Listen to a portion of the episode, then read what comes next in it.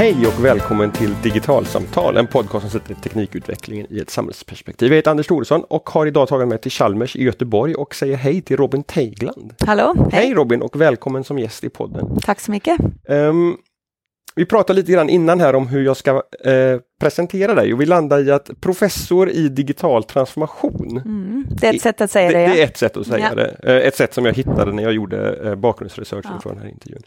Och den frågan som jag genast fick då, därför att digital transformation, jag får en liten magkänsla för vad det här handlar om, men ett begrepp som används mycket oftare är ju digitalisering. Ja. Så då skulle jag först börja vilja höra vad, liksom, vad är digital transformation? Mm. Jag tycker det är en jättebra fråga, väldigt bra att du börjar podcasten med detta. Eh, för min digital transformation, det handlar om inte nödvändigtvis teknik per se, men det hur teknik underlättar att det blir en transformation av, i min värld, värdeskapande aktiviteter att man kanske börjar om från början och liksom testar nya sätt att skapa värde. Eh, inte att man liksom försöker att effektivisera och göra en produkt kanske lite billigare, lite snabbare. Det är lite så att man kastar in teknologi och man gör det man har redan gjort men bara lite bättre.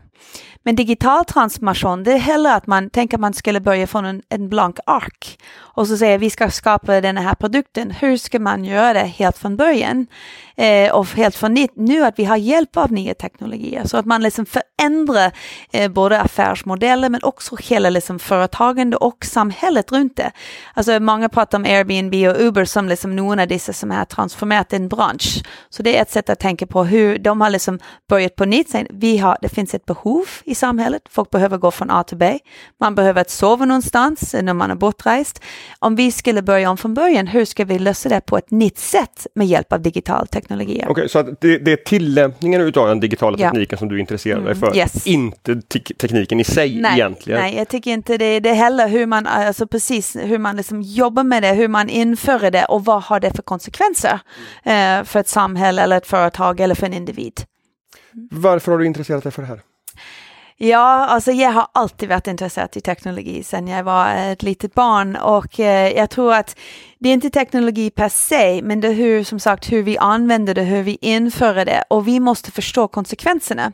Eh, det kan börja med en, en, bra sak, att liksom, till exempel när Facebook kom, att ja, nu kan jag kommunicera med vänner och familjer på ett mycket enklare sätt. Men om man hade, liksom, som, hade följt liksom nätverksforskare när man såg att det skulle komma och hur den skulle införas, om man inte hanterade det på rätt sätt och styrde upp algoritmen på ett rätt sätt, de såg att det skulle antagligen ledde till att en polarisering. För ofta vi tenderar att liksom nätverka med folk som är lika oss själva. Och vad är det Facebook och dessa andra sociala medier gör? De skärmar av dig så att du liksom bara ser de folk som är väldigt lika dig själv som gör att du förstärker din meningar. Och det är ena grunden till att man kan säga att vi ser en del polarisering i samhället och en del problem. Så det handlar om att det, när man först ser någonting, oh wow, se på alla de goda konsekvenser eller negativa. Men det handlar om att säga, men om vi inför det, vad är det som indirekt effekterna av detta här? Och hur kan det gå? Och, och då tycker jag det är väldigt viktigt att vi förstår det så att vi kan guida det åt rätt håll. Så det är det jag ser som mitt uppdrag som forskare, att försöka förstå, tänka scenario vad, händer i, vad kan hända i framtiden, i 10, 20, 30 år med denna teknologi och andra tillsammans? Vad innebär det för samhället? För vi måste ju liksom projicera oss framåt för att kunna säga, okej, okay, vad är det bästa mm. sättet att se till att vi hamnar rätt? För, för det där tycker jag blir jätteintressant, därför att så här i efterhand så kan man tycka att, att mycket av det som har hänt i, med anledning av Facebooks algoritmer och så vidare, att, att det är lätt att, att vara efterklok och så mm. att man mm. kanske borde ha byggt på andra sätt. Ja. Mm. Men jag hör till dem som inte tror att det fanns liksom några onda avsikter eller, eller, eller liksom onda tankar. Mm. Uh, hur, hur lätt är det i en teknikutveckling som går så himla fort ja. och som dessutom rör sig på så otroligt många fronter mm. samtidigt. Jag, när jag läser på din eh, presentationssida här på Facebook så står det liksom om, om eller på, på, på, på, på Chalmers hemsida så står det om, om blockkedjor och det står om 3D-skrivare och det mm. står om AI och det, det är så otroligt ja. många teknikutvecklingar ja, det parallellt. Och samtidigt så, så, säger du att ambitionen är här att bygga scenarier för, mm. för hur, hur, hur lyckas man med det? Då? Ja, hur lyckas man med det? Det är en jättebra fråga. Det finns olika sätt, det finns massa olika verktyg. Eh, för folk har jobbat med scenario jättelänge. Eh, egentligen det största den kom det var i 70-talet efter den här oljekrisen där man försöker vad kan hända? För vi är väldigt dåliga liksom, se utanför vår box och vi tenderar också, vårt nätverk påverkar vårt sätt att se på framtiden. Så det det handlar om, jag tänker, det finns ju olika verktyg som typ till Pestel, som det är olika trender, politiska, ekonomiska, sociologiska, teknologiska, E för environment och L för legal. Så man kan säga att det är alla dessa olika trender som kan påverka framtiden. Då är, vad är mest osäkert? Vad vet vi ingenting om? Och då kan man säga, vad händer om vi går till en värld, man tänker det politiska, en värld där vi är väldigt liksom åt, åt höger eller, eller åt vänster, eller vi har en väldigt öppen värld, eller vi har en väldigt liksom massa trade wars. Hur, hur kommer olika scenarier se ut? Så du kan skapa olika scenarier med hjälp av sig, om vi tar olika, alltså alltså säga, scenario, längd av en sån axis, säg det kan gå åt det hållet, det kan gå åt det hållet. Då kan man börja säga, aha, ja men kanske om vi har en värld är väldigt stängd och vi har till exempel massa teknologi, då kan vi se den världen. Men vi har en annan värld, det är jätteöppet, men folk vill inte ha ny teknologi. Det blir en helt annan värld. Så det, det handlar om att bara liksom se vad är de olika scenarier som kan komma, men också lätta upp lite grann efter man pratar om signals from the periphery, alltså liksom lite sån kännetecken eller lite signal eller någon säger kanske vi ska åt det hållet eller det hållet. Men jag tror det är hela tiden det som är viktigt med detta här, alltså nätverk kommer in i botten och allt detta här. Ju mer man har ett stängt nätverk, ju svårare det är att kunna liksom se på olika scenarier.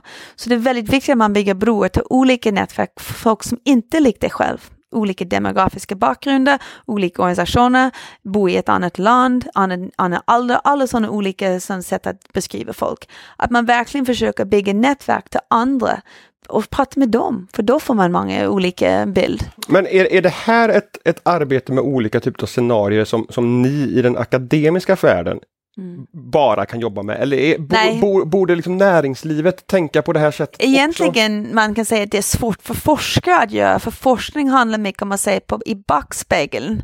Vi kan inte forska om framtiden. Vi kan forska om det som har hänt. Men det vi kan göra eventuellt säga kan vi med hjälp av forskning och förståelse av lite djupare eh, teorier hjälpa oss att förstå hur kan det utvecklas i framtiden. Men när, den, din fråga när det gäller företag, definitivt för, företag ska jobba med det här. Speciellt när, det, när ting går så mycket snabbare. Alltså förändringstakten, alla pratar om det, ja den ökar. Så då handlar det om att verkligen viktigt säga, åt vilket håll går vår marknad eller vilket håll kunderna, vad kanske vill de ha om tio år? Och tänka ut olika scenarier, för det är då man kan vara förberedd, för då säger ah, om vi går åt det hållet, jag kanske behöver dessa resurserna, vem har jag i mitt nätverk? Oj, ingen, då ska jag kanske koppla ihop mig med det som kanske ger mig de där nätverksresurser eventuellt om jag behöver dem. Så jag tycker det är någonting som definitivt som, som företag ska jobba med. Men, men, då undrar jag, nästa ja. fråga då blir, men hur ska man som företag hinna med det här? Mm. Därför att jag, jag tänker att teknikutvecklingen går jättesnabbt, händer jättemånga olika saker. Och antingen så är man som, som småföretagare någonstans mitt uppe i en högkonjunktur ja. och har fullt upp med att leverera till de kunderna man ja. har. Eller så är det en lågkonjunktur och så har man fullt upp med att överleva till nästa högkonjunktur. Hur ska, hur ska man liksom, som småföretagare hinna tänka kring digitalisering och vad det gör med mitt alltså, företag? För min del, det är någonting som man ska tänka på hela tiden. När man borstar tänderna. Alltså när man eh, cyklar till jobbet. Eh, det man ska tänka, eh, liksom, vad händer om?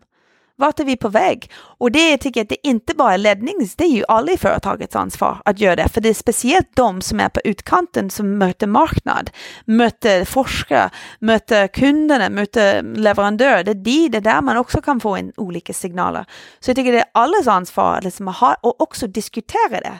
Vi är för dåliga på företag att diskutera. Vad händer om? Jag menar, det är ju, man kan organisera det på ett enkelt sätt att se en gång i månaden, vi bara kommer samman och diskuterar vad är potentiella fram, alltså framtidsscenarier. Det behöver inte vara någonting någonting formellt eller någonting som kommer att hända, men bara diskutera för att få upp den här diskussionen. Att, för ting kommer inte alltid se ut som det gör idag. Jag menar, man ser det mycket snabbare eh, om, vad heter det, omförvaltning, omförvandling eller av företag, omväxling av företag på dessa större börslistorna, på alltså livslängd av företag minskar. Så jag tror det också det handlar om att tänka mer agilt och det är mycket som man pratar om idag också, hur man ska jobba agilt, att eh, jobba på mycket mer kortare grejer, vilket är långa långa, långa, långa jobb jobba liksom på det sättet. Så jag tror det också handlar om liksom det här vardagssättet, hur man jobbar och organiserar. Jobba mycket med alltså fluid och inte liksom starka, strikta strukturer. Och, och det som är svårt är att vi har kommit från en tid där vi har haft mycket kontroll. Du ska liksom, tänka liksom i den andra industriella revolutionen med alla dessa stora multinationella företag, man, man skulle ha, hantera allting internt och så skulle man vara väldigt effektiv och man skulle ha kontroll, du skulle liksom kontroll över ting. Men nu skapar många, det är ju kul kunskap och det är med hjälp av nya teknologier, man måste liksom underlätta och liksom la anställda också ta med frihet, frihet med ansvar. Mm. Hur, hur kan ni i akademin hjälpa med forskning och på andra sätt hjälpa näringslivet att faktiskt ta sig an digitaliseringens liksom, möjligheter och utmaningar på bästa möjliga sätt? Alltså, alltså en av våra stora uppdrag det är ju utbildning. Vi må ju vara mycket mer bättre och där tycker jag att universitetet har ju, vi måste, och det är, alla pratar om detta, vad är morgondagens universitet? Vi måste tänka nytt runt hur vi utbildar, för nu handlar det om att ut, lifelong learning, jag är inte så jätteförtjust i termen, alla använder det, men det ligger någonting i det. Det är inte så att du går på universitetet i fem år så är du färdig och går till jobbet. Vi måste hela tiden, alltså, så det är företag också ansvar att se till att okej, okay, uppmuntra anställda, gå och lära. Och då tycker jag universitetet och allt det här, vi måste vara, tänka nytt runt hur vi ska utbilda. Mm. Att det inte bara är dessa formella kurser som man ska komma och sitta i och sånt, men tänka nytt runt, dra in studenter, göra en internship på mycket mer lösare sätt eller projektjobb eller någonting, alltså tänka mycket mer fluid. Mm. Eh, jag tycker att vi kommer från en värld där det var liksom antingen eller. Det var antingen i den akademiska världen ja, eller, eller den eller. Mm. Istället för det. Alltså, varför sitter inte företag här hos oss eller akademiker? För, för, alltså, bjud in en forskare, bo, jobba hos företaget i en vecka eller två veckor, kom in en dag i veckan. Bygger de där broarna. Vi är, det, det finns, och det är ju en del som menar att grunden till att vi är i den här klimatkris och allt som vi är i idag är för att forskare bara pratar med forskare. Vi har inte varit duktiga att få ut budskap till resten av världen. Eh, och jag tror detta är det handlar om, vi liksom, vi, vi, vi liksom, det har varit allt för mycket, liksom, det är akademi och det är företag och det är också offentlig sektor. Men nu det handlar om hur vi ska jobba ihop på mm. ett annat sätt. Mm. Mm. Ett av de projekten som, som du är engagerad i heter forboards.ai. Ja, det, stämmer, det stämmer helt rätt. Ja. Eh, ja. Som, som handlar om hur, hur förståelse för AI ska kunna komma in i mm. bolagsstyrelser ja. för att hjälpa till med både en innovations, liksom, höj, liksom ökad ja. innovation och, och för ja. hållbarhet. Mm. Mm. Men när, när, jag läser om det projektet och så ser jag att då, då är det, har ni pratat och haft kontakt väldigt mycket med, med stora svenska ja. företag. Jag tror att det är SKF och kanske Electrolux. Vi har lite stora, ja. ja precis, Combient eh, och eh, Wallenbergs ja. Investors Men är det, är det bolag på den nivån som behöver tänka kring de här sakerna? Hur är det liksom, jag bor i Vänersborg, hur är det med småföretag? Ja, jag tycker det är ju alla företag ska tänka på detta. Um, och det, detta projektet, det är både liksom hur styrelser, det är intressant, se på om ni som där ute i publikum som lyssnar, tänk om ni har suttit i en styrelse, hur, hur mycket har själva styrelsejobb ändrats i de sista 20, 30, 40, 50 år?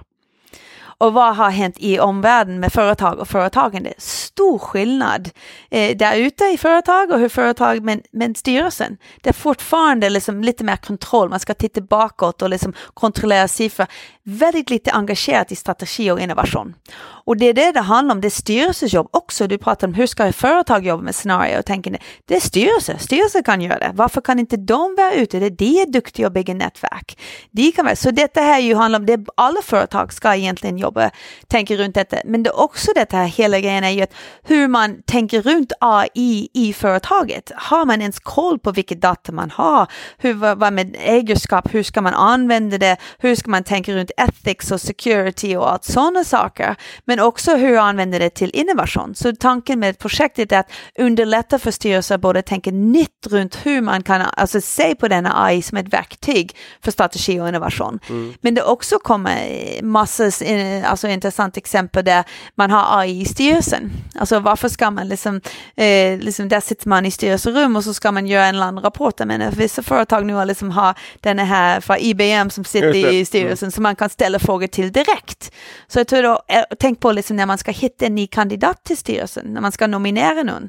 Alltså hur, då är det AI perfekt eh, verktyg för att hjälpa ett företag att finna en jättebra person att sitta i styrelsen. Men idag så görs det väldigt lite, det är ofta liksom vem du känner, vem du känner liksom, och den, via den vägen som får komma in i styrelsen. Men det är inte säkert det är den bästa personen. Den har den kompetens man behöver. Mm. Men för mig låter det ändå när, du, när jag hör dig prata om, om de här liksom, exemplen med att vilken data har man, vilken kontroll har man, vad man kan göra med den. Det låter ändå inte som att det är den lägsta frukten att plocka för ett företag i, liksom, i, i en digitaliseringsresa som vill gå, genomgå en digital transformation. Ja. Vad, vad, vad, vad, tänker du ändå liksom om de, de små och medelstora företagen? Alltså, små och medelstora företag, det finns ju, alltså det beror på vad, vilken bransch man är i. Alltså, och alla, jag tror att det viktigaste är att gå och tänka på kunden. Alltså, det, mitt, min grej är att jag tycker att många ser en teknologi och säger, ah, här är vår lösning. Men det behöver inte, det kan hända det, du kan bara ändra en rutin som du redan har. Jag tror det hellre tänker på kunden, vad är kundens behov? Vad är liksom, hur, vad är kunden, alltså dessa pain points, tänk som en entreprenör. Man ser liksom, okej okay, våra kunder har en liksom pain point, hur ska vi lösa det? Kanske teknologi hjälper, kanske inte gör det. Det hela tänker, och då kan man eventuellt använda sig av teknologi för det hjälper att finna fram. Tänka till exempel att man har massa, en, en stor kunddatabas där folk skriver en massa grejer. Um, och, eller liksom man spelar in samtal. Det är ett perfekt uh, databas att undersöka sig, vad är det största pain points? Och hur ska vi kunna lösa dem? Så jag tror det är hellre man ska börja med kunden först och säga vad är det för behov, vad är det för problem och hur ska vi då lösa det? Mm. Så det är där man ska börja. Så, så man har liksom en, ett, ett, ett problemfokus först yes. istället för att liksom lyssna på en säljare som knackar på dörren? Nej, inte lyssna inte på säljaren för jag menar overengineering, we don't, alltså vi behöver inte det. Ja, men jag ser på alla dessa bilarna till exempel som vi har idag och all den här högteknologi. Jag ska bara gå till affären varför behöver jag så mycket? Alltså det är overengineering och det är för att folk kommer och försöker, alltså det liksom ska sälja det, sälja det. Men jag behöver inte allt detta här. Och jag tror det också det handlar om hur ska du lösa problem, kundens problem på bästa sätt. Mm. Mm. Uh, ett hjärteprojekt för dig finns ja. ganska långt härifrån nere mm. på den portugisiska kusten. Det stämmer det. Va, va, vad handlar det om? Vad heter projektet? Eh, den heter Peniche Ocean Watch och det hette det för att Peniche är UNB där vi har vårt projekt och det är cirka en timme utanför Lissabon. Eh, och Ocean Watch handlar om att vi måste få upp eh, vår medvetenhet om havet eh, och hur viktigt det är i, för vår framgång. Jag tror inte vi förstår, eh, Sverige, jag ser det i Sverige, vi, vi har inte haft lika mycket fokus på det. och Det är inte så konstigt när vi har inte lika mycket kustlinjer som till exempel Norge och andra, andra länder. Men det är ju otroligt, eh, och nästa, vad heter det, decennium kommer vara the year, the decade of the ocean ifølge UN och Unesco och så vidare. Så det är stor fokus för att havet dör nu, för det, 89 procent av fisk fisket bort och korallrev dör och du finner plast nere, längst ner i havet. 90 procent av all skräp i havet finns på havsbotten. Eh, en liten del flyttar och det är ju hur stort som helst. Vi vet om dessa garbage patches. Så det är ju, vi pratar, vi kombinerar detta ihop och det som är ju, det är en blå cirkulär ekonomiprojekt och det handlar om när man pratar om blå, det här med havet. Cirkulär ekonomi, vi testar med nya affärsmodeller där vi ser hur kan vi få in den här nya tänken runt cirkulär ekonomi i ett lokalt samhälle. Och grunden till att vi har startat detta här, att jag ser att Peniche är lite representativ av många andra branscher och städer i världen. Du har ju en stad, en by som har runt 27 000 personer. Det var en av de rikaste byar i hela Europa för bara nu få två, tre decennier sedan på grund av fisk. Nu är det en av de fattigaste. Det har gått så fort. Och det är för att fisken har fiskats ut. Och det har inte gjorts någonting för att underlätta den här, äh, jag ska inte säga någonting, men alltså för att förenkla och förbättra den här fiskeman, den här typen av branschen. Turism har kommit in, men den löser inte problem. För det är ju skapar en helt annan dynamik i, i kommunen och det är inte en långtidslösning. För du skapar en, en arbetskraft som är väldigt liksom låg skilled, du har väldigt liksom, vad heter det, seasonal demand, du, det är jätte inte, du har ökade fastighetskostnader för turister kommer in och köper. upp. Så det är inte lösningen. Så det vi ser är ju att här är ju lite grann någonting som det jag tror kommer att spegla väldigt många delar av världen ju mer automatisering kommer igång. För att man kan säga att en grund till att det inte, har, det inte finns fisk och det inte finns jobb är ju att det finns ju jättestora trawlers och fiskeföretag som går in och bara och samlar upp liksom hundratusenvis ton fisk varje dag. De har fullt automatiserat, fullt digitaliserat och här har du 90 procent av alla bottnar är ju små och medelstora fiskare. Och de har inte den här eh, kapacitet. Så ska vi bara sitta bak och säga att den här byn dör ut eller ska vi försöka med hjälp av digitalisering? Och här pratar vi digital transformation. Hur kan vi underlätta bygga på de resurserna och kunskap och skills som de har med hjälp av digital teknologi? Så det vi gör, ett projekt går ut på att vi ska hjälpa dessa små medelfiskarna att vara effektivt så de kan konkurrera mot de stora båtarna. De har ju fortfarande en kvota så de ska inte fiska mer, men de ska fiska mer effektivt. Så istället för att köra runt i liksom flera timmar efter fisk så med hjälp av droner och en ny sån teknologi kan de lokalisera fisk snabbare så de brukar mindre bränsle men de också de, de um, ser till att den fångsten de får upp är mer, alltså bättre, de liksom fiskar inte upp en, en fångst som inte har det, det har massa bycatch som det heter. Mm -hmm. Men samtidigt en, en indirekt effekt eller en, en annan effekt av detta här, då har de mer tid. Och vad ska de göra med det? Den teknologin som, som, vi, som ett norskt företag utvecklar, den kan också läras upp att identifiera vad som ligger på havsbotten. Så det kan också lätta upp eh, alltså havsplast och havsskräp. Så vi jobbar med dem för att de ska kunna ta ut alltså havsskräp, så inte fiska fisk, men de kan fiska skräp. Och det börjar finnas en värde på detta och det måste man se till att vi gör det på rätt sätt och allt inte gå ut och riva upp korallrev för där finns en fiskenät. Men vi måste se att vi utvecklar det på ett bra sätt, att, ut, att höja kompetensen på fiskarna, och lära sig att använda drönare, att utveckla drönare, att använda den teknologi. Men det är bara en del av projektet, för resten av projektet går på att om de samlar upp den där plasten, vad ska det användas till? Så vi bygger en sån modell, en cirkulär modell, den ska återanvändas och kanske kombineras med carbon eller grafen och skapas nya produkter och då sänker vi vad är igen tillbaka till behov. Vad behövs i lokala samfund? Det finns över hela världen. De har väldigt dålig lokal transport. Okej, okay, kan vi då producera med hjälp av 3D-skrivare, till exempel eh, sådana självkörande poddar, alltså sådana som minibussar eller en trehjuling som är då lagat utav den här plast som de får in igen. Och då har det tänkt, då tar vi in blockchain. Så när man pratar digital transformation, det är inte en teknologi, det är hur vi ihop blockchain, 3D-skrivare, eh, detta här med dronteknologi, AI och så vidare för att skapa en ny modell. För då när vi väver in blockchain, då kan vi göra traceability. Och då kan vi säga, du ser, du är en fiskeman, du har varit och fiskat upp den plasten. Då får du, när någon kör i den här podden till exempel, den här självkörande podd, vi har en lokal valuta, så du får tillbaka pengar för att du har varit med i processen. Eller om någon liksom, eh, vad heter det, mm, eh, lade den här med det soltakspaneler, då kan de åka gratis. Så det är det vi försöker... Så bygga en helt lokal en helt digitaliserad lokal, ekonomi? Yes, ja, det är det som det går ut på. Men, men, men det här blir ju ett systemperspektiv egentligen yes. på det som du sa om det som det enskilda företaget behöver göra. Nämligen yeah. fundera på vad är, vad är problemet? Inte vilken yeah. teknik har vi Nej, till, till hand, utan vad, vad, är det för utmaningar vi står för och yeah. vilka olika byggstenar kan vi plocka? Ja, och där har vi sett ett behov av, vi har ju en döende bi, vi har döende alltså industri, så vi måste rejuvenate the local community. Den andra är ju att havet, det är ett jättestort, vi måste börja jobba mycket med havet, förstå havet, samla in och rädda, rädda upp. Och, och den tredje handlar också om detta här med liksom hela detta här med det cirkulära biten också, men liksom tänker liksom sista, alltså runt den här lokal transport. De har inte ett lokal, eh, lokal transport. Nej. Så vi liksom går efter behov och hur man ska, ja. Men hur, hur mycket är det här tankar som finns, som kommer finnas liksom i, i, en fin pdf och presentation och hur mycket är det faktiskt någon som ska, som ska göras och, och testas jättebra, i praktiken? Jättebra fråga. Jag fick den frågan för ungefär ett år sedan när vi började eh, projektet av en som var väl, ja det här ju, du, du bara kom in och massa fina pdf och bla bla bla. Men nu, alltså ting sker där nere.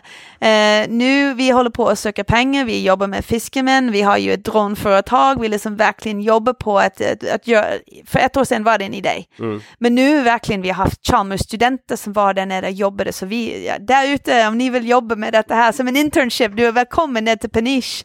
Um, nej, alltså vi har ju haft studenter som är där nere, vi jobbar med, så vi både jobbar med norska företag, vi har haft portugiser som har kommit till oss och varit med, vi ska ha en crowdfunding-kampanj nu som ska lanseras i oktober för att finansiera våra första produkter som är lagat av havsplast och visa upp modellen.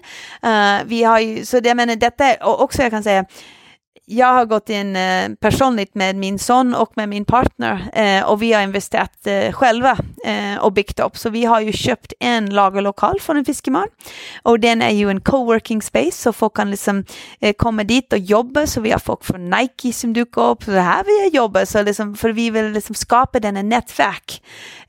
Vi har ju också köpt en annan 1000 kvadratmeters verkstad där vi har entreprenörer som har flyttat in Eh, och börjar, vi har en som jobbar med, med återanvändning av havsplast med 3D-skrivare. Vi har ju en som gör sustainable surfbrett. Så det är liksom, den, är, den är på gång. Är vi, på gång. vi jobbar med kommunen. Så den, men det, alltså, detta är ju ett 10-20 års projekt. Mm. Men samtidigt, det är ju liksom det små steg. Nu under sommaren så blev vårt företag som jag startat, Ocean Tech Hub, vi blev inbjuden som uh, delägare i en Science and Technology Park, marin biologi i, i Peniche. Så nu är vi på samma nivå som, som kommunen och universitetet och havsväsendet. Så det är ju jätte, alltså det är ju händer ting. Um, och det handlar om detta med att bygga nätverk mellan Norden och med Portugal. Men, men här i Göteborg är du också engagerad i havsfrågor ja. i, i någonting som heter Open Ocean Data Factory ja, det stämmer. Vid, vid GU, Göteborgs universitet. Ja. Finns några beröringspunkter? Eller ja, vad, vad, handlar det om? Ja, Ocean Data Factory är ett tvåårsprojekt som blev finansierat av Vinnova um, som startades nu i juli. Och det Vinnova finansierade för åtta olika datalab i hela Sverige, bland annat uppe i Norden, äh, Nordsverige med, med rymden och, och olika projekt. Uh, och detta här hela går ut på att vi ska ju, Sverige har ingen datalab när det handlar om havet. Så om man man liksom vill jobba och göra någonting med havet, vad, vad ska man hända? Vi hade SMHI med lite databaser och andra med lite databaser. Men detta var att få upp medvetenhet och också inte bara att det finns data, men man ska faktiskt förvandla det till en innovation. Så vår, eh, vårt mål är liksom to enable, alltså, att, alltså underlätta för Sverige, liksom skapa en plats i den global eh, vad ska säga, perspektiv när det gäller att omvandla havsdata till innovationer. Eh, Sverige hade ingen datalab när det gäller havet havet innan, många andra länder hade det, så vi sökte det och vi fick det. Så det är ju ett samarbete mellan, inte bara GU och Chalmers, vi har också RISE med, vi har Combine, vi har SMHI, vi har Medins, vi har ju många olika aktörer. Eh, vi har Lysekil kommun, vi har Kristineberg, vi har många olika aktörer. Vi har också ehm, eh, International Advisory Board med Oslo Met i Norge, vi har ju eh, Smart Ocean och IPL i Portugal och University of Kiel, så vi liksom, ja, jobbar på det Vad är det för typ av datapunkter som, som ett sånt här, liksom en sån här data factory kommer, kommer jobba med? Är det liksom, ja, vad, vad är ja, data? Alltså det är ju jättemycket där ute redan. Du har ju satellitdata, du har data som samlats genom havet, du har data som samlats om fåglar som bor vid havet. Så det finns jättemycket och det vi, eh, vi kommer ha fyra olika innovation cycles. Eh, och den första nu håller vi på att reda ut och det blir antagligen tillsammans med HAV, eh, med HAV eh, den här myndigheten i, i Sverige där vi pratar om det med invasive species. Kan vi simulera vad händer om det kommer till exempel en invasive species in i vår vattnet? Vad händer med lokal flora? Eller flora, vad händer med det?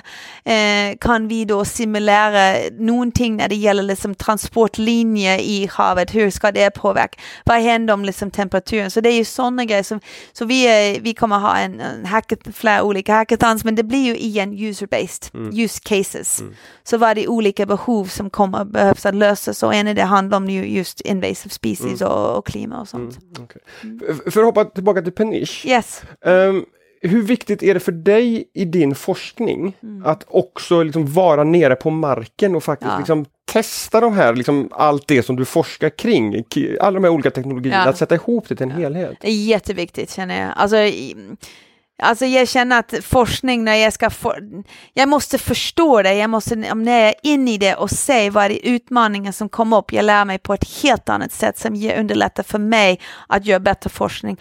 Och det som, det som jag gör är att jag skapar en plattform som idag är första dag för mina tre doktorander som har börjat här.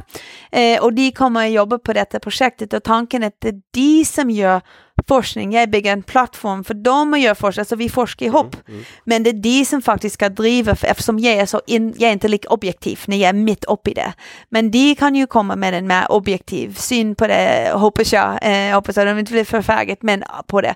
Men jag tycker det är ju jätteviktigt, för det ser riktiga problem och utmaningar som vi kämpar med. Och, och, och det är lite grann också att jag ser att min roll nu är värt och sett så mycket. Nu känner jag att jag, jag kan gå in lite grann och, och hjälpa till med en systemtanke och driva fram på ett annat sätt än det jag kunde göra förr. Um, de, alltså där nere, de blir jätteinspirerade och säger wow, Chalmers och liksom Sverige tittar på oss. Uh, det är någonting viktigt vi gör. Och det är det jag känner, den här samarbetet är ju otroligt, att det blir, ja, både, både lycka, alltså vad heter det, jag gillar inte det win-win, men det blir ju den där. Mm. Mm. Det, det, här med att, att, ta sig an det här, som du säger, från ett systemperspektiv. Uh, jag upplever att, att liksom, under de åren som jag jobbar som teknikjournalist, att, att det, går mer och mer från att man tittar på olika tekniker, olika delar i, i samhället yeah. som, som monoliter till att yeah. faktiskt titta på ett systemperspektiv. Är, är, det som, liksom, är det en bild som du delar, att man börjar tänka mer på det Jag sättet? tycker vi har alltid sett på uh, egentligen systemperspektiv, det kanske att det kommer att våga, sant? det beror på var man är i, i samhället och, och vad händer. Men uh, vi hade ju mycket det förut när man pratade om ja, system och vi hade sociotechnical systems och allt detta. Så det är liksom, jag tror det alltid, men det är liksom, ja, det kommer in och ut av mm. uh, vet mm. det, våg eller vad man ska mm. säga. Mm. Uh, men, men samtidigt, du har fortfarande forskare i detta fält som, som du nämnde, uh, den forskare som tittar på likes på Facebook. Uh, det är långt från, liksom, det beror på hur de sätter in i ett sammanhang, men det är ju liksom, du har ju många olika extremer. Jag tycker att det är också bra att inför forskningsvärlden att vi har folk som både gör de små men också de som tar lite större perspektiv. Vi måste ha både och. Mm. Uh, när man ska digitalisera eller genomgå en digital transformation, vilka, liksom, vilken är de riktigt stora möjligheterna med att göra det här och vilka är utmaningarna för att faktiskt liksom ja. om, omsätta det? Utmaningen är ju i stort sett eh, alltså folkens vilja, perso alltså det personliga. Eh, för där, men tekniken finns där. Det beror på hur du använder det. Om man pratar med ett företag, det är många som säger, ja men det, för det handlar om organizational change, det är egentligen organisationsförändring och alla vi, forskning visar att 70-80 procent av organisationsförändringen misslyckas. Och det handlar om individ, man har inte skapat en sense of urgency, individen själv, att de måste ändra sitt beteende. Och när man pratar om det, det handlar om att man stoppar med att göra någonting gammalt och börjat någonting nytt och det är det som är svårt. Eh, och till och med om man vill göra det betyder inte att det kommer hända för man har rutiner, inbyggda rutiner, man har inbyggd processer, man har byråkrati så det är ju inte, så det är ju det som är det svåraste, det är för folk själv att förstå den här sense of urgency på varför. Men det är igen det kommer tillbaka till, det är inte bara digitalt för sig, mm. det handlar om att komma tillbaka till vad, vilket behov, vilken mål, vilket purpose. Jag menar nu precis dessa, vad var det, 185 vd för dessa största företag företag säger nu ska det vara purpose och det är inte bara eh, aktieägare eller som ett större perspektiv. Men jag tycker det, alltså företag som verkligen förstår att det inte bara är aktieägarna, det är mycket större purpose som företagare, det är de som lyckas. Och det handlar om, man pratar om organisationsförändringar, för att uppnå det, det handlar om att alla individ förstår mm. varför det är det vi mm. gör det, varför är det vi gör en sån förändring. Mm. På, på webbplatsen för uh, uh forboards.ai så, så efterlyser ni partnerföretag som vill vara mm. med och dela med sig av tankar yeah. i runda bordsamtal, ibland under, under sekretess och ibland yeah, mer, mer öppet. Hur, hur, hur intresserade är näringslivet, skulle du vilja säga, utav att dra lärdom utav den mm. forskningen som ni i akademin liksom kan stå för? Man kan säga att man är jätteintresserad, men när det och så kommer de, många, alltså, många vill, men andra, när de ser vad det innebär, att du ska bjuda in folk till styrelsen. Styrelsen säger, ah, men vi har inte tid. De är väldigt upptagna och eh, nej, vi har bara fyra möten och jag har massa andra grejer, vi har inte tid. Och det är det man märker, man, det där igen, man vill det, men hur man ska ändra sitt beteende för att liksom verkligen, ja, det är det som är det svåra. Och alla vill inte släppa in folk i sin uh, styrelse heller, för det är ju, det är ju, ja, det är känsligt och det är inte så lätt. Nej. Um, så jag menar, det, men samtidigt det är andra företag som är jätteöppna och, och vill vara med. Och så denna, alltså kombinat i företag som vi jobbar med det där, det har varit jättebra eh, mottagning. Eh, och vi har haft jättebra intervjuer med, med flera vd och ordförande och styrelsemedlemmar. Eh, så jag tror det handlar om detta att hur, alltså att man ser, finner ett rätt sätt att jobba. Och du nämnde detta här att man kan vara med på liksom sessions och sånt och det har varit nog det mest lyckade att liksom när, när du drar ihop en massa eh, ordförande och styrelseledamot i ett rum och där de vet att de kan vara trygga med i den sammanhang och så jobb, lite sån små utbildningar, det funkar ju väldigt bra. Okay. Mm. Uh, I intervjuer som jag har gjort uh, tidigare med forskarkollegor i olika sammanhang och även med näringslivet kring AI och AIs möjligheter, så, så en fråga som ständigt kommer upp är bristen på kompetens. Yeah. Hur, hur, hur bedömer du den? Hur, hur, hur, problematiskt är det att vi inte har tillräckligt många som kan de här sakerna ja. för att faktiskt dra full nytta utav det? Ja, alltså det är ju bristen på kompetens och det är ju också ja, det finns ju många, det som är intressant, jag tror att man letar på fel plats. Om man bara går till universitetet till exempel och förväntar att där kan man få, det finns jättemånga duktiga folk där ute men de kanske inte har en traditionell diplom. Mm. Så det är också det handlar om, alltså se utanför eh, universitetsvärlden men också tänka på distans. Eh, jag var hos eh, min dotter, en av mina, ett av mina barn, hon jobbar hos ett företag som heter Flatfrog och jag besökte henne, det är ett företag i, i, i Lund, Lund. Ja, mm. precis som jobbar med interaktiva skärm, superintressant företag. Och du vet, där sitter de med deras eh, kompetensprogrammerare och sånt som är i ett helt annat land och kör vid virtuell konferens. Så jag, eh, jag tror det handlar om att det finns jättemycket kompetens i världen. Men oftast man tänker, oj, jag ska bara fråga dig, känner du någon? Men det finns, alltså tänk, tänk mycket bredare. Eh, och du hittar, gå på sådana meetups, det finns ju meetups i Stockholm och runt omkring med, med dessa AI-personer eh, som håller på. Gå dit och bara börja prata med folk. Eh, gå, alltså, gå på dessa online communities, finna någon som vill vara med och aktiv. Tweet, tweet Twitter. Alltså, jag känner ju flera som har kollat, liksom, ah, jag fick mitt jobb via Twitter, för någon hade twittrat, de behövde någon. Så jag menar, det handlar om att tänka nytt runt olika kanaler där man kan leta fram och också, det behöver inte vara i Sverige, det kan vara i andra land. Och det är det vi, jag tror vi, vi kan använda det som andra kompetens på ett helt annat ja, sätt. Okay. Mm. Um, så här långt har det här samtalet, åtminstone i min huvud, eh, handlat mest om näringslivet. Mm. Eh, och akademin förvisso. Men offentlig sektor. Mm. Eh, nere i Peniche så, så drar du åt, åt det ja. hållet helt uppenbart. Ja. För det är, liksom, det, det är verkligen ett, ett samhällsperspektiv på det där. Men, men, men hur, hur hur bör offentlig sektor förhålla sig till, ja, till digitalisering och ja, digital transformation? Det är jättebra. Alltså, det är intressant. Vi, jag bara nämna ett exempel av hur vi har jobbat med eh, offentlig sektor. Jag, kör, jag hade min första kurs um, i fjol. För, um, jag började på Chalmers i fulltid i oktober i fjol. Eh, och min första kurs började i januari. Det handlade om management of digitalization med eh, tre års eh, bachelorstudenter då, kandidatstudenter. Och eh, det första jag gjorde, var jag hade liksom pratat, träffat en från Lysekil kommun, Ann Gunnes, och hon kom springande fram till mig när jag hade presenterat någonting om Peniche. Hon sa, oj Lysekil, det är akkurat som Peniche, det är ju jättebra, vill inte, vill inte du ha en kommun i Sverige? Jag sa, yes! Så vi satte oss ner och sa, men ni kan ju vara med i min kurs, ni kan vara ett live-projekt. Så alla mina studenter, 110 studenter, delade upp i grupperna, i grupper och de fick jobba. Deras utmaning var ju att lösa ett problem för Lysekils kommun. Hur kan man, kommunen digitalisera sig? Så de kom med liksom olika problem, alltså lösningar. De hade en utställning där studenterna gjorde posters och satte upp dem, de gjorde video och de fick jättemånga goda idéer. Så jag tror det också, och jag tänker nytt på hur man jobbar. Här har du studenter älskar att göra sådana pro alltså projekt, det kommer ut i verkligheten verkligheten och verkligen säga att de har en impact. Det finns universitet och program över hela Sverige, så kommunen kan ju jobba med, med, alltså med utbildningsuniversitet och andra för att få in. Det är ett sätt. Ja, men, men, men upplever du att det, att det finns ett intresse hos, hos, hos offentlig sektor för att dra nytta utav, utav ja, det, teknik? det tycker jag gör det. Jag mm. tycker mm. jag, det gör i Sverige. Jag mm. tycker mm. jag träffar otroligt många väldigt nyfiken offentlig sektorpersoner som verkligen vill, alltså de kommer till mig, kan inte du komma och forska hos mig? Men jag är liksom, jag kan inte klona mig. Tyvärr. Skulle gärna det. Jag har min robot där med en mm. Sparky, han är, eller den är i sin låda. Mm. Men uh, alltså det är ju, jag tycker att det, Sverige stort sett är extremt öppen och har alltid varit det. Jag jobbade med Skatteverket i 2000 och åtta eller nio när Second Life och virtuella Jo. världar. Inte?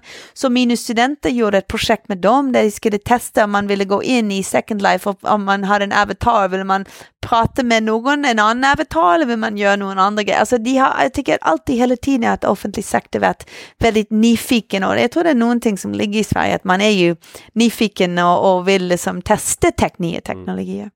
Det hörs på dig när du pratar att du är väldigt Ja. engagerad kring de här frågorna. Ja, vad, det är jag. vad, vad, är det som, som är så engagerande? Vad är det som är så, det verkar faktiskt roligt? Ja, alltså det är ju otroligt roligt. Ja, det är ju en bra fråga som du säga. Nej, alltså det handlar om vår framtid.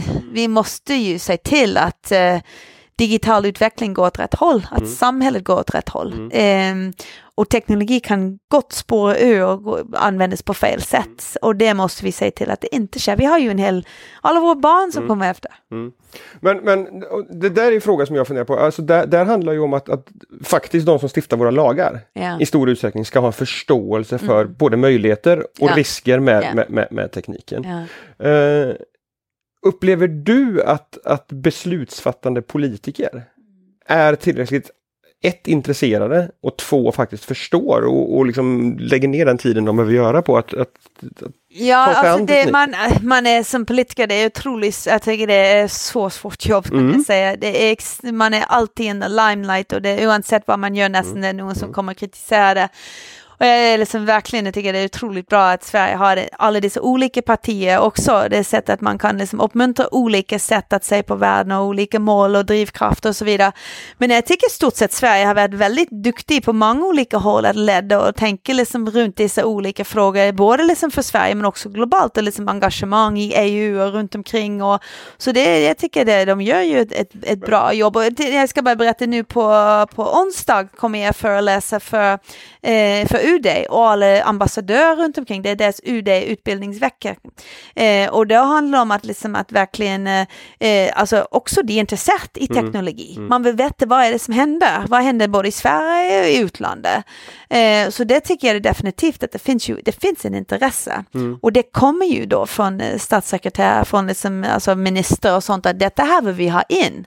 Så jag tycker att det är ju, mm, Men, men jag tänker inte bara kanske på, på, på nationell nivå utan om man tittar globalt. Alltså en, en sån lagstiftning som GDPR Ja. som det har pratats väldigt mycket Ja, om, ja. kanske framförallt för ett år sedan när, när den började gälla. Ja. Men att där det fanns en, en oro för att ja men här vill man skydda den personliga integriteten och det är ju bra men samtidigt kommer man då begränsa massa användning utav, Ja. utav dataanvändning. Och jag, jag tycker att jag börjar höra liksom både forskare och, och, och, och näringsliv som nu som faktiskt upplever att den här lagstiftningen gick för långt. ja.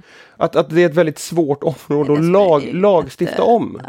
Det är jättesvårt och där ser man liksom företag, vi har ju liksom företag och FAU, man kan testa någonting, alltså, har, och, och det är jättesvårt att göra politik. Vi har inte, hur ska man liksom, så där tycker jag kanske man ska börja tänka annorlunda, tänka med hjälp av AI-simuleringar, så jag kan mod modulära ting, en lagstiftning, vad händer man gör det? Vad har det för påverkan? Att börja tänka nytt runt, alltså testa ut olika idéer, olika modeller. Jag, jag vet inte, bara jag tänkte, är kanske Med en lösning. scenarietanken. att- Scenariotänkande, precis. Man tänker lite mer scenario och drar ut vad är de olika konsekvenser innan man på ett teoretiskt sätt jobbar med liksom modeller och sånt simulering och säger vad händer. Ehm, men det, är ju, det kan lätt gå för långt för man liksom försöker skydda den enstaka individ men det är ju också, det är jättesvårt den här balans mellan individuell och det kollektiv.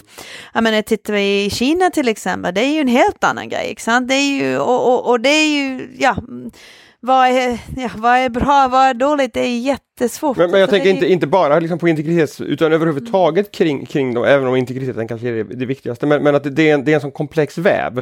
Så att när man börjar reglera på ett ställe Mm. Ja. för, i ett syfte så kommer det få negativa eller positiva, eller Ja. åtminstone konsekvenser. Ja. Men, men den här tanken med, med, med scenario, är det någonting som dök upp men- nu eller är det någonting som, du- som du faktiskt jobbas med? Nej, jag har, jag har inte själv eh, jobbat med detta. Det är lite sånt som dyker upp nu i samtalet. Jag tycker att man började ju, just, just att man, eh, just simulera, alltså scenario tycker jag är jätteviktigt. Och det, det, jag var ju med faktiskt, eh, en av de första gångerna jag såg scenariotänkande var faktiskt någonting om e-government. Det var nog, eh, jag tror det var Vinnova, någon andra som hade gjort det. där. Det var en, en, det var en myndighet som hade gjort en scenariotänkande runt e-government och hur var det de olika scenarier som skulle dyka upp.